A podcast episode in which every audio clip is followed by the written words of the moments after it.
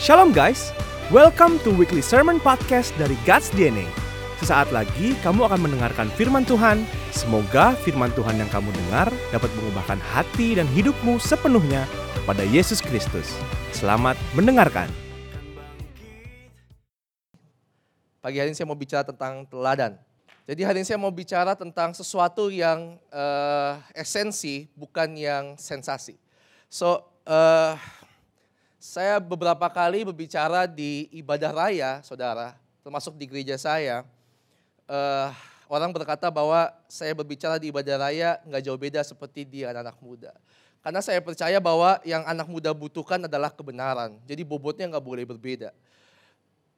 Jadi kita harus paham bahwa sesuatu hari ini bahwa kita dalam kekristenan kita sering kali kita mencari yang sensasi, saudara. Kita mencari apa yang sensasi dalam dunia ini. Tapi padahal yang sosial kita cari adalah yang esensi.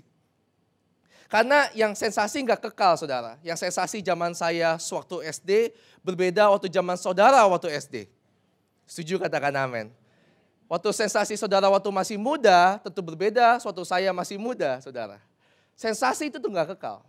Tapi kalau kita mencari yang esensi, itu pasti kekal. Dan kebanyakan orang, apalagi khususnya di Jakarta, di Jakarta, Jakarta Timur, saya di Timur Jakarta, di Cikarang, mereka mencari gereja yang sensasi. Yang penuh dengan lighting, penuh dengan LED, tidak salah dengan itu. Tapi itu gak kekal saudara. Seharusnya yang kita cari dalam sebuah gereja adalah esensi. Karena kalau kita mencari esensi, gereja gak punya fasilitas pun kita pasti datang. Karena yang kita cari adalah esensi. Tapi permasalahannya untuk mencari esensi ini mesti melawan arus saudara. Untuk mencari esensi sebuah kekristenan. Jadi pada hari ini saya mau bicara tentang teladan dalam kebenaran firman Tuhan. Karena teladan adalah esensi. Kalau sensasi, gereja akan berupaya bagaimanapun juga supaya jemaat datang dibuat bagaimanapun juga se-entertain mungkin. Tapi beberapa gereja yang lain berusaha mengentertain jemaatnya untuk apa? Untuk jemaatnya datang. Sehingga jemaatnya tidak dewasa, saudara. Tapi yang penting adalah bagaimana mengajarkan esensi sebuah kekristenan supaya apa pun yang terjadi dalam dunia politik sekalipun, dalam dunia teror sekalipun, kita tetap ke gereja dan ikut Kristus. Karena kita tahu bukan yang sensasi. Karena sensasi ujungnya cuma ekspresi, tapi esensi ujungnya adalah kekekalan. Jadi kita cari adalah esensi, katakan esensi. Kenapa saya bicara tentang teladan pada hari ini? Karena isu yang paling besar dalam sebuah pemuritan dan gereja adalah teladan. Setuju katakan amin. Berapa banyak jemaat keluar dari gereja atau pengerja keluar dari gereja hanya karena pemimpinnya, pengerjanya tidak mencontohkan teladan yang baik. Sepertinya sederhana saudara, karena dunia ini tidak kekurangan mobil dan motor. Ada banyak orang tua nggak kurang uang untuk kasih ke anaknya. Ada banyak orang tua nggak kurang harta untuk dikasihkan kepada anaknya. Nggak kurang. Tapi sering kali yang saya temukan dalam 17 tahun melayani anak muda, mereka kurang teladan dari orang tuanya. Nah, baca Alkitab dong. Tapi orang tuanya nggak baca Alkitab, saudara. Jadi hari ini kita mau belajar apa itu teladan dalam kebenaran. Dalam KBBI atau Kamus Besar Bahasa Indonesia, Teladan adalah sesuatu yang baik, yang dapat ditiru dan dapat dicontoh. Tapi saya kurang setuju dengan arti ini saudara. Karena kata baik adalah sebuah kata yang bias. Contoh saudara, kalau saya seorang preman, malakin seorang anak kecil. Saya pukulin anak kecil ya. Saya bilang, saya baik hari ini ya, saya nggak bunuh kamu. Saya tanya sama saudara, saya baik atau tidak? Tapi kata premannya baik. Contoh kalau seorang itu maling, masuk ke dalam rumah. Dia curi TV, dia curi rice cooker, dia curi semuanya. Tapi sertifikat dia gak curi. Buat apa juga saudara? Sertifikat dia gak curi. Dia berkata bahwa hari ini saya lagi baik. Saya cuma curi yang apa yang saya suka. Saya gak curi semuanya. Saya pengen tanya sama saudara. Orang ini baik tidak? Tidak. Tapi dia berkata dia baik saudara. Jadi teladan dari kebaikan ini tidak mutlak saudara. Yang mengerti katakan amin. Jadi kalau seandainya kita mencontohkan anak kita kepada seseorang yang baik, maka itu bukan yang mutlak dalam kehidupannya. Jadi saya setuju bahwa seperti ini.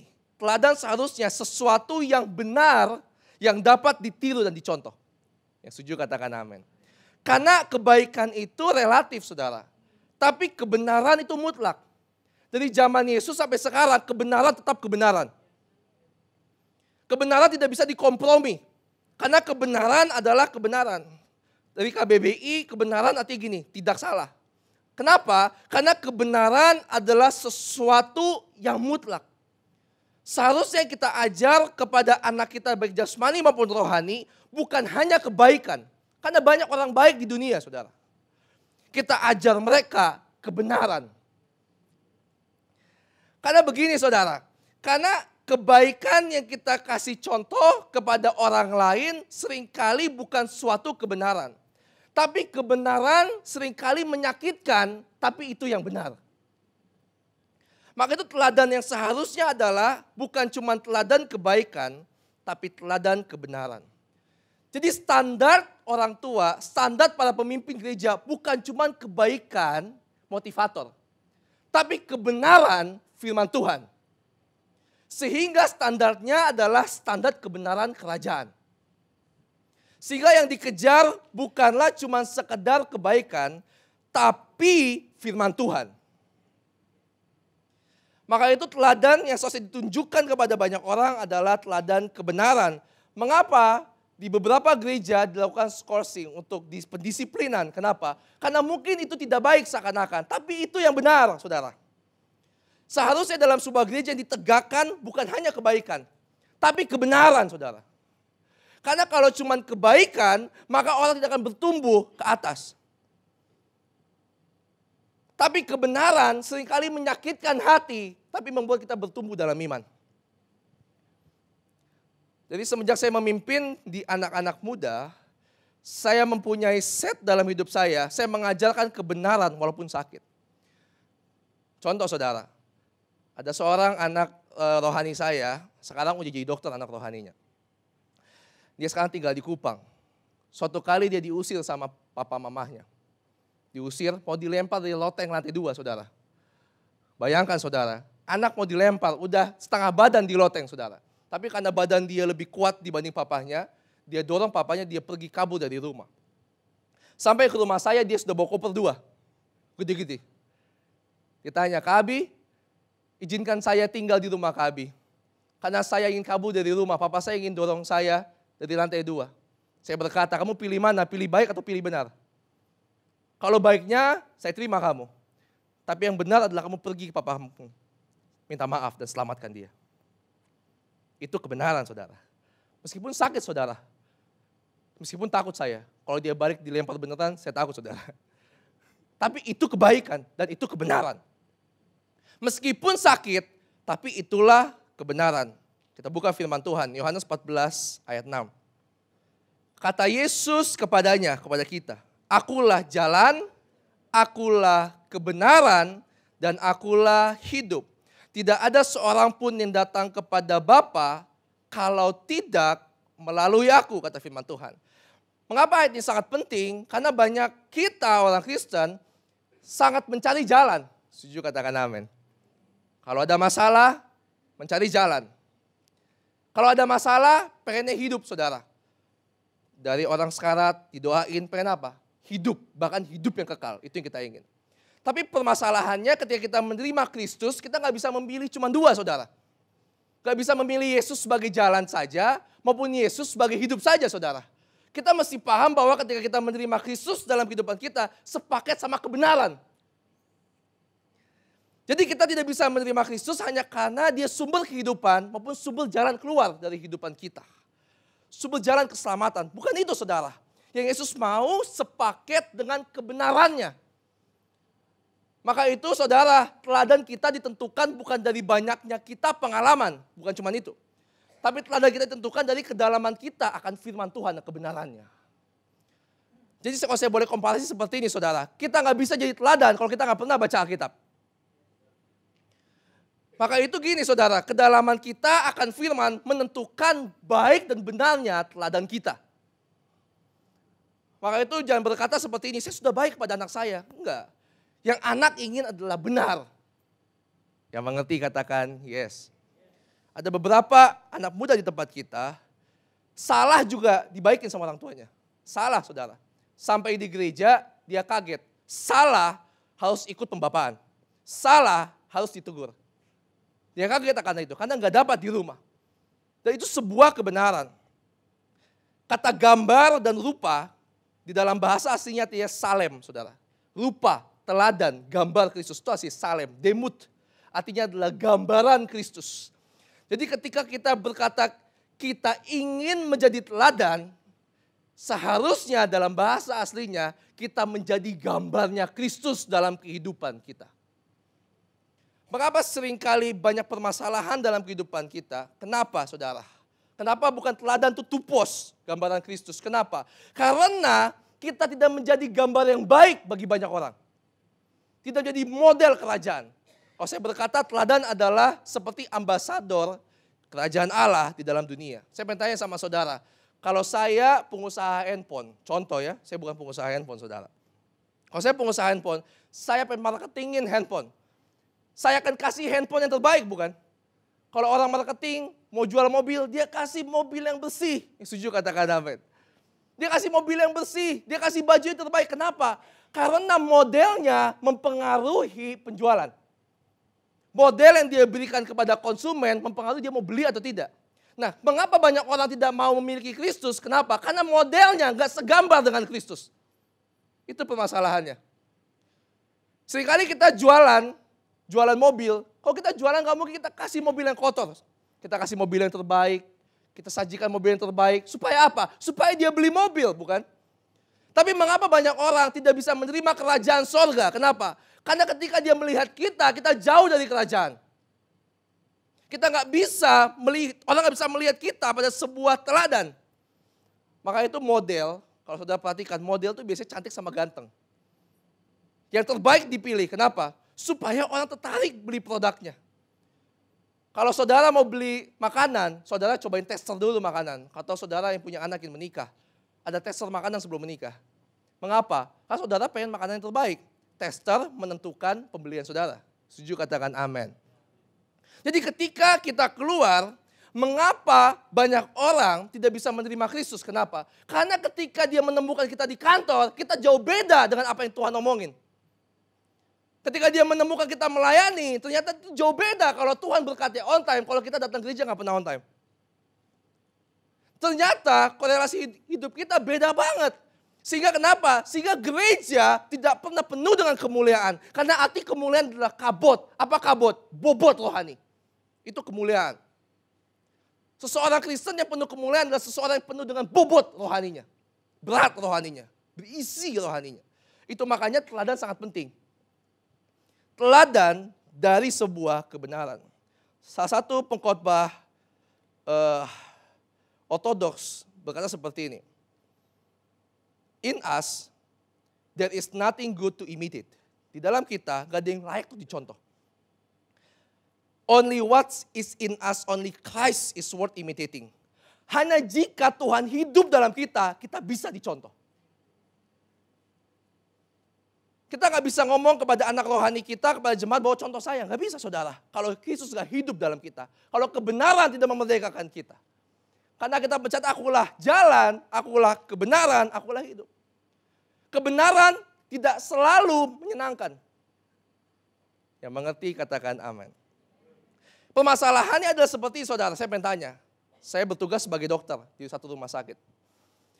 Suatu kali saya bertemu dengan satu pasien, Pasien ini anak muda kena HIV AIDS, sudah masuk yang terakhir, sudah mau meninggal. Sebelum dia masuk ke koma, dia ngomong sama saya seperti ini saudara. Kalau saya boleh ngulang hidup dok, saya akan ngulang hidup dengan baik.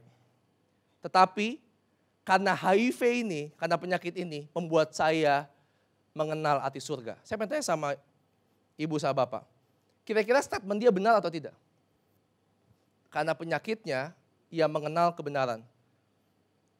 Saya percaya bahwa rancangan Tuhan atas hidup kita, rancangan penuh dengan damai sejahtera, bukan kecelakaan. Sehingga kalau seandainya kita melihat gambar Kristus dalam kehidupan kita, hanya karena kecelakaan, maka kita bisa jadi teladan. Seharusnya begini, begini saudara. Karena penyakitnya dan dosa yang ia langgar menyebabkan dia seperti itu. Bukankah seperti itu saudara kebenaran? Nah kebenaran itu menyakitkan saudara. Kalau kebaikan ya karena penyakit kamu, kamu sekarang mengenal Kristus. Bukan itu saudara. Tapi karena dosa yang kamu perbuat, membuat kamu sekarang berbuat seperti ini dan terpaksa pada hari ini. Untung Tuhan masih menyelamatkan kamu dan itu adalah anugerah. Kebenaran itu adalah seperti saudara, sering kali menyakitkan. Mengapa kita tidak bisa memberikan gambar Allah dalam kehidupan kita? Mengapa saudara? Karena kita membuat gambar Allah sendiri dalam kehidupan kita. Contoh kita datang ke gereja, kita nggak on time saudara. Lalu apa yang kita omong ke pengerja? Kenapa kamu datang nggak on time? Tuhan juga ngerti lah. Benar saudara? Tuhan juga ngerti lah. Atau datang doa. Tidak datang benar doa. Ditanya, kenapa nggak datang benar doa? Capek saya, tapi Tuhan mengerti. Lihat, selalu kita mengkondisikan gambar Allah dari cara kita, bukan cara kebenaran. Maka itu saudara, kalau saudara ingin melihat sesuatu kebenaran, kebenaran selalu berujung pada komitmen, tetapi kebaikan berujung pada excusement. Sehingga saudara, hari ini seharusnya kita jadi gambar Allah dalam kehidupan kita. Yang mengerti katakan amin. Dan gambar Allah itu adalah dari kehidupan kita. Gambar Allah adalah dari Alkitab dan kebenarannya. Jadi tolak ukur keberhasilan kita adalah bukan cuma kita kaya saudara. Kaya itu relatif saudara. Di sini mungkin pendeta punya gereja besar di Jakarta. Tapi di pelosok sana ada pendeta yang bahkan makan saja nggak bisa saudara. Saya menemukan itu saudara. Ada pendeta bahkan besok gak tahu makan apa. Tapi pertanyaannya adalah apakah pendeta di Jakarta lebih sukses dibanding pendeta di sana? Tidak saudara. Dua-duanya Yesus sayang. Juga katakan amin. Dua-duanya bersaksi kebenaran. Bukannya satu lebih sukses, bukan. Jadi tolak ukur kesuksesan kita bukan cuma kekayaan. Bukan itu saudara. Tolak ukur kesuksesan kita adalah kita berhasil menjadi gambar Allah dalam dunia ini. Yang mengerti katakan amin. Jadi keberhasilan kita bukan hanya mengajari kepada anak kita untuk jadi kaya. Tapi menjadi serupa dengan Kristus. Itu paling penting. Dengan apa? Dengan teladan kita di hadapan Tuhan dan di hadapan banyak orang. Yang mengerti katakan amin. Jadi bukan cuma melatih dia untuk bayarin dia kuliah. Itu bagus saudara bayarin dia sampai kuliah tinggi. Punya uang banyak, orang berhasil. Bagus gak? Bagus. Tapi yang paling penting adalah anak kita, jasmani maupun rohani, bisa segambar dan serupa dengan Kristus. Dan itu hanya bisa dilalui oleh keteladanan iman kita. Saya adalah produk dari teladan ayah saya, saudara. Ayah saya itu dari semenjak masih saya kecil saudara. Sampai saat ini saya jadi hamba Tuhan. Setiap subuh maupun malam selalu bangun saudara. Untuk apa? Untuk doa. Secapek apa pun, sesubuh apa pun, dia pulang pelayanan. Jam 4 pagi buka mata doa. Teladan iman saudara. Karena dulu kamar saya sebelahan sama kamar papa saya, saya selalu mendengar doanya dia nyanyiannya dia. Segala puji, syukur bagimu. Jam 4 pagi saudara. Pulang jam 2 pagi, habis konseling sama jemaat. Jam 4 bangun untuk doa saudara.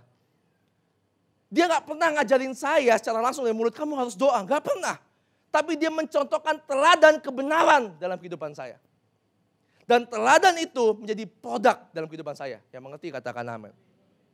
Jadi teladan kita berbicara jauh lebih besar dibanding cuma kata-kata kita. Maka itu gereja yang sehat bukanlah gereja yang punya fasilitas banyak. Gereja yang sehat adalah gereja yang punya orang penuh dengan teladan Kristus. Maka itu seharusnya yang ditargetkan bukan hanya fasilitas, tapi kualitas. Yang mengerti katakan yes.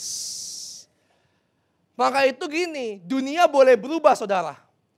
Tapi kebenaran gak pernah berubah. Yang lain silih berganti berubah. Zaman boleh berubah. Tapi kebenaran tetaplah kebenaran. Maka itu saudara ikut kom dan Bible study. Yang setuju katakan amin. Satu satu ayat tujuh. Saya baca yang pertama, saudara baca ayat kedua, ayat ke-8, saya baca 9, begitu dengan selanjutnya. Sehingga kamu telah menjadi teladan untuk semua orang yang percaya di wilayah Makedonia dan Akaya. 8.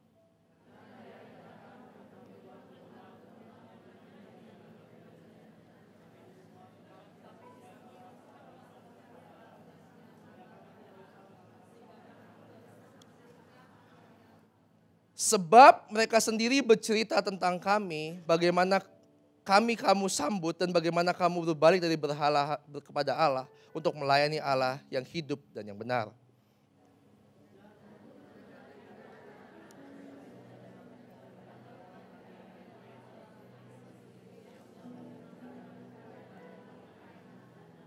Ayat yang ketujuh adalah ayat kesimpulan. Sehingga, kata firman Tuhan. Sehingga kamu telah menjadi teladan untuk semua orang yang percaya di wilayah Makedonia dan wilayah Akaya.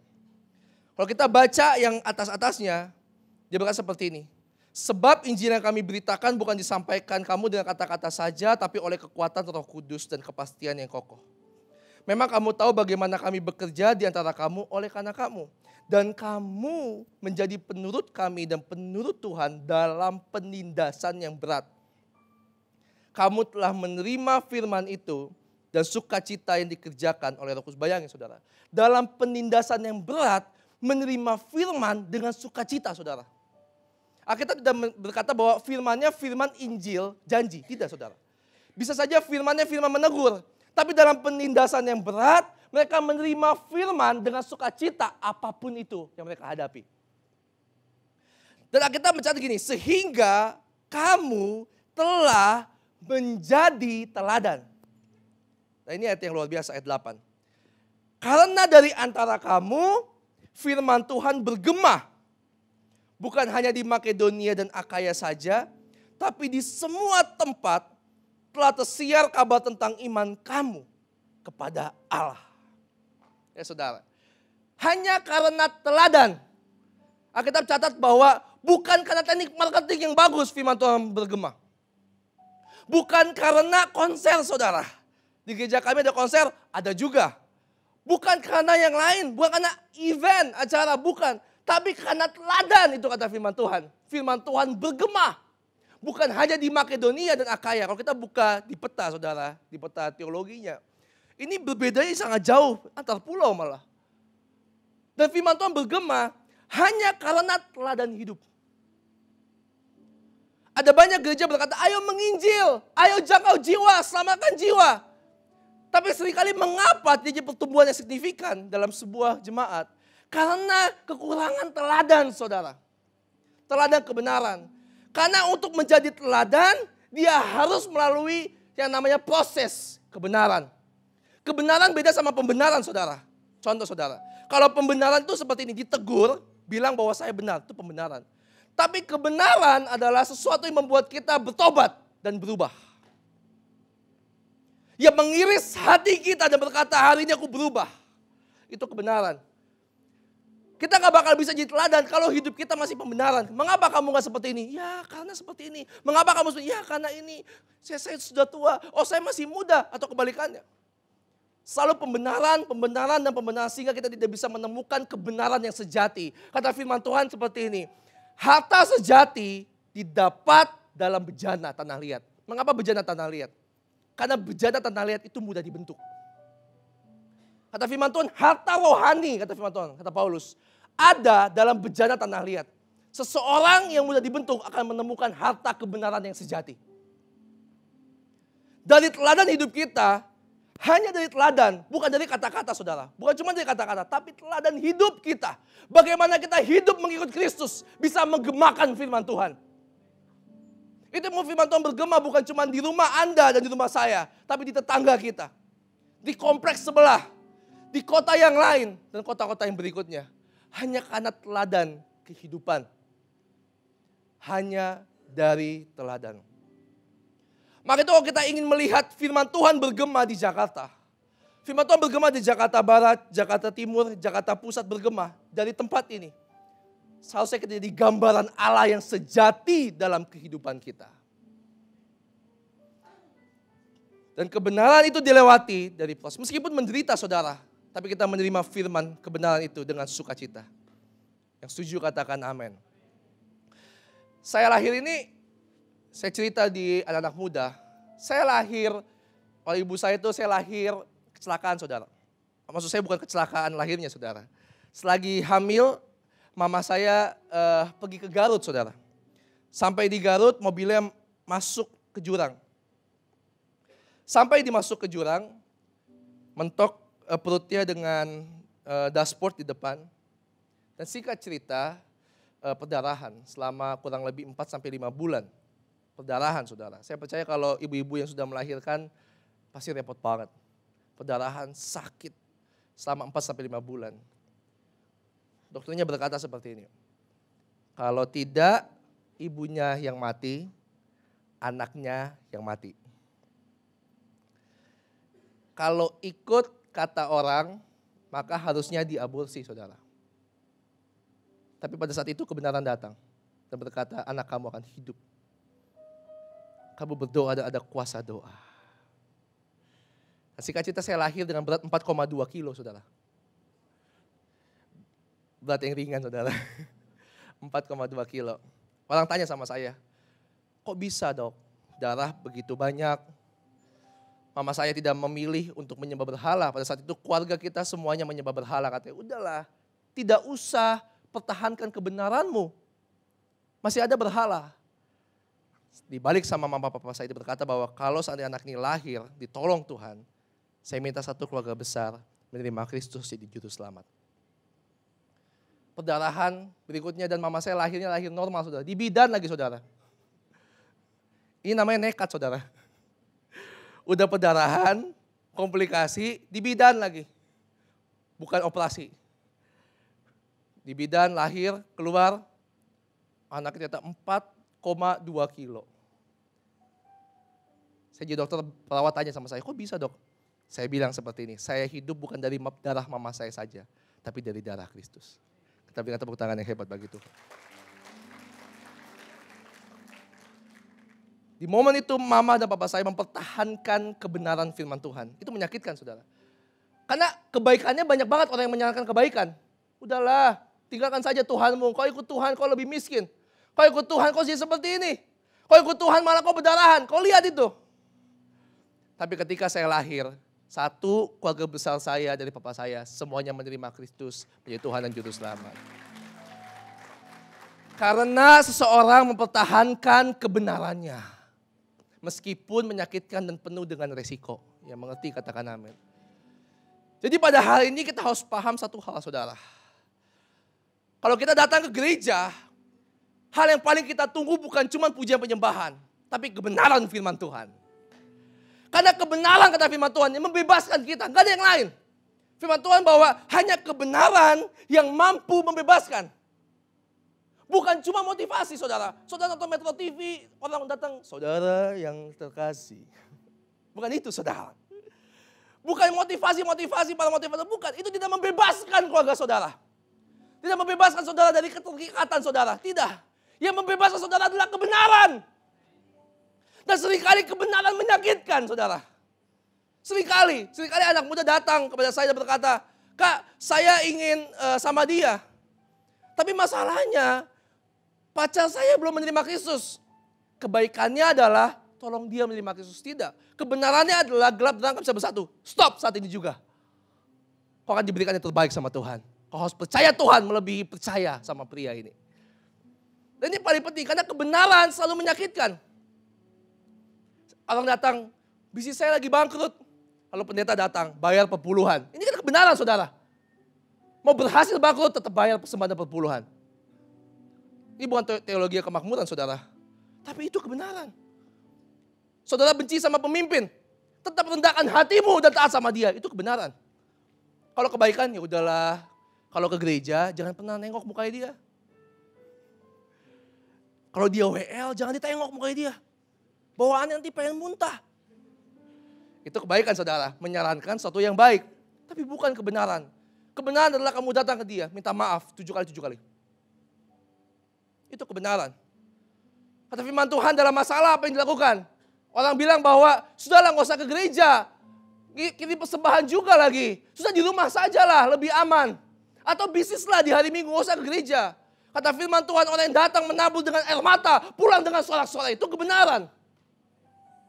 Dan itu mungkin menyakitkan saudara. Tapi itu membuat saudara bertumbuh dan anak saudara mengenal Kristus. Mungkin saudara sekarang datang dengan pelayanan yang kok stagnasi. Tidak naik-naik pelayanan saudara. Sepertinya kok nggak berkembang pelayanan saudara. Gak dipercaya sana dan percaya sini. Kata firman Tuhan, setialah dalam bawah tanganku yang kuat. Aku meninggikan kamu pada waktunya. Kalau cuma kebaikan, kita akan menjalankan udahlah pindah gereja saja. Di gereja sana warin platinum. Paket beserta dengan mobil dan motornya. Tapi kebenaran tidak, setia di sini, bertumbuh di sini. Sembunyikan dirimu di bawah tanganku yang kuat, kata firman Tuhan. Aku, kata Tuhan, meninggalkan kamu pada waktunya. Itu kebenaran saudara. Seringkali membuat kita sakit, sering kali membuat kita menangis di kamar, sering kali membuat kita berteriak sama Tuhan, kenapa aku? Kenapa harus hidupku? Kenapa harus sekarang? Tapi itu membuat kita bertumbuh dalam Tuhan. Di gereja kami pelayanan, khususnya di anak muda, pengkhotbah kami kebanyakan dari lokal. Saya khotbah hampir setiap bulan dan setiap minggu. Beberapa dari lokal kami. Dan pemain musik. Di gereja kami pemain musik, semuanya tidak ada yang dibayar saudara. Saya ajar mereka untuk mereka melayani tulus kepada Tuhan.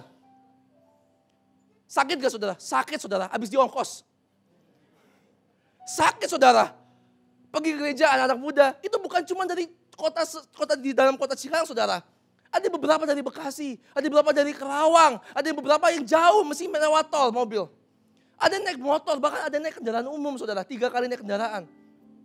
Pulang malam-malam, saya berkata, yang buat kamu diberkati bukan saat ini. Ini waktunya kamu menabur benih di masa muda kamu.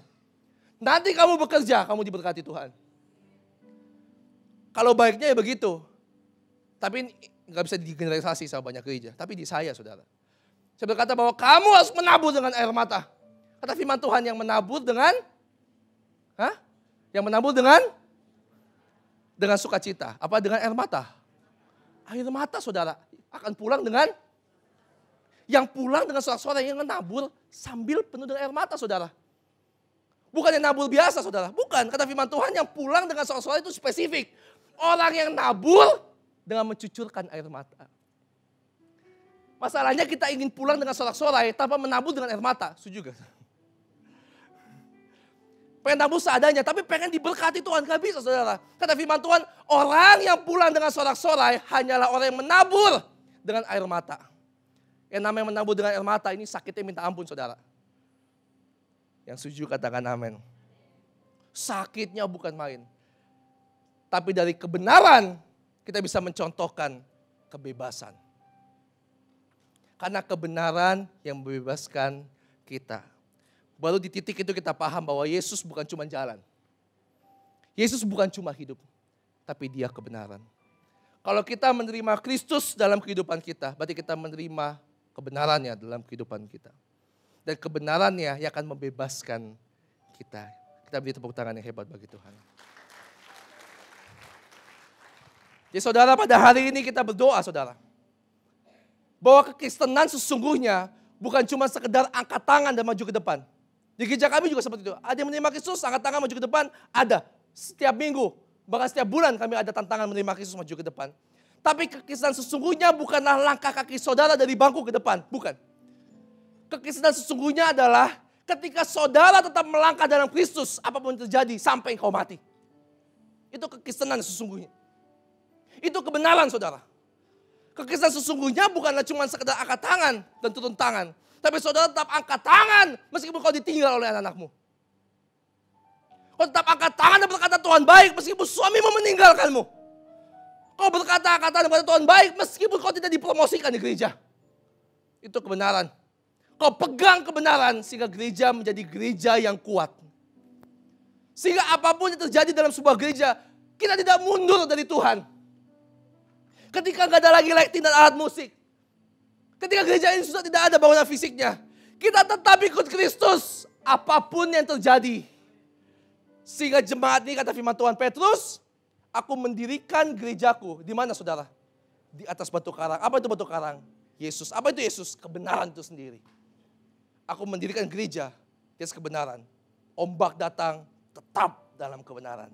Yang setuju katakan amin. Ibrani 6 ayat 19.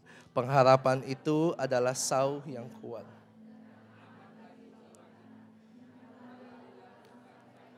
Kata firman Tuhan, pengharapan itu yang Yesus itu sendiri adalah sau atau anchor. Sau yang kuat, yang aman bagi jiwa kita. Yang telah dilabuhkan sampai ke belakang tabir. Kata firman Tuhan bahwa Yesus adalah sau yang kuat. Bukan pekerjaan saudara. Bukan pelayanan saudara. Suatu kali mungkin pekerjaan dan pelayanan akan hilang dari hidup saudara. Kalau saudara membuat itu sauh dalam kehidupan saudara, maka saudara akan menyesal seumur hidup. Mungkin anak saudara pergi keluar kota, pendidikan yang bagus bukan sauh bagi hidupnya, bahkan itu baik, baik, tapi bukan sauh. Yang menjadikan dia stabil dalam badai, stabil tidak terarus oleh ombak adalah sauh Kristus. Sehingga yang harus diajarkan kepada banyak orang bukan bagaimana ia baik dalam ekonomi saja, tapi bagaimana ia harus ikut Kristus apa pun harganya. Pada hari ini pesan saya sebelum saya turun dari mimbar ini dan Roh Kudus bekerja melawat hati kita. Kita datang ke gereja bukan untuk pembenaran, tapi untuk kebenaran. Supaya kita hidup benar bersama dengan Tuhan dan jadi teladan bagi banyak orang. Dan anak cucu kita diberkati oleh Tuhan. Kita berikan tepuk tangan yang hebat bagi Tuhan. Terima kasih telah mendengarkan Weekly Sermon Podcast dari God's DNA. Benih firman Tuhan yang ditanam tidak akan pernah sia-sia dalam kehidupanmu. Sampai bertemu di Weekly Sermon Podcast berikutnya. Tuhan Yesus memberkati.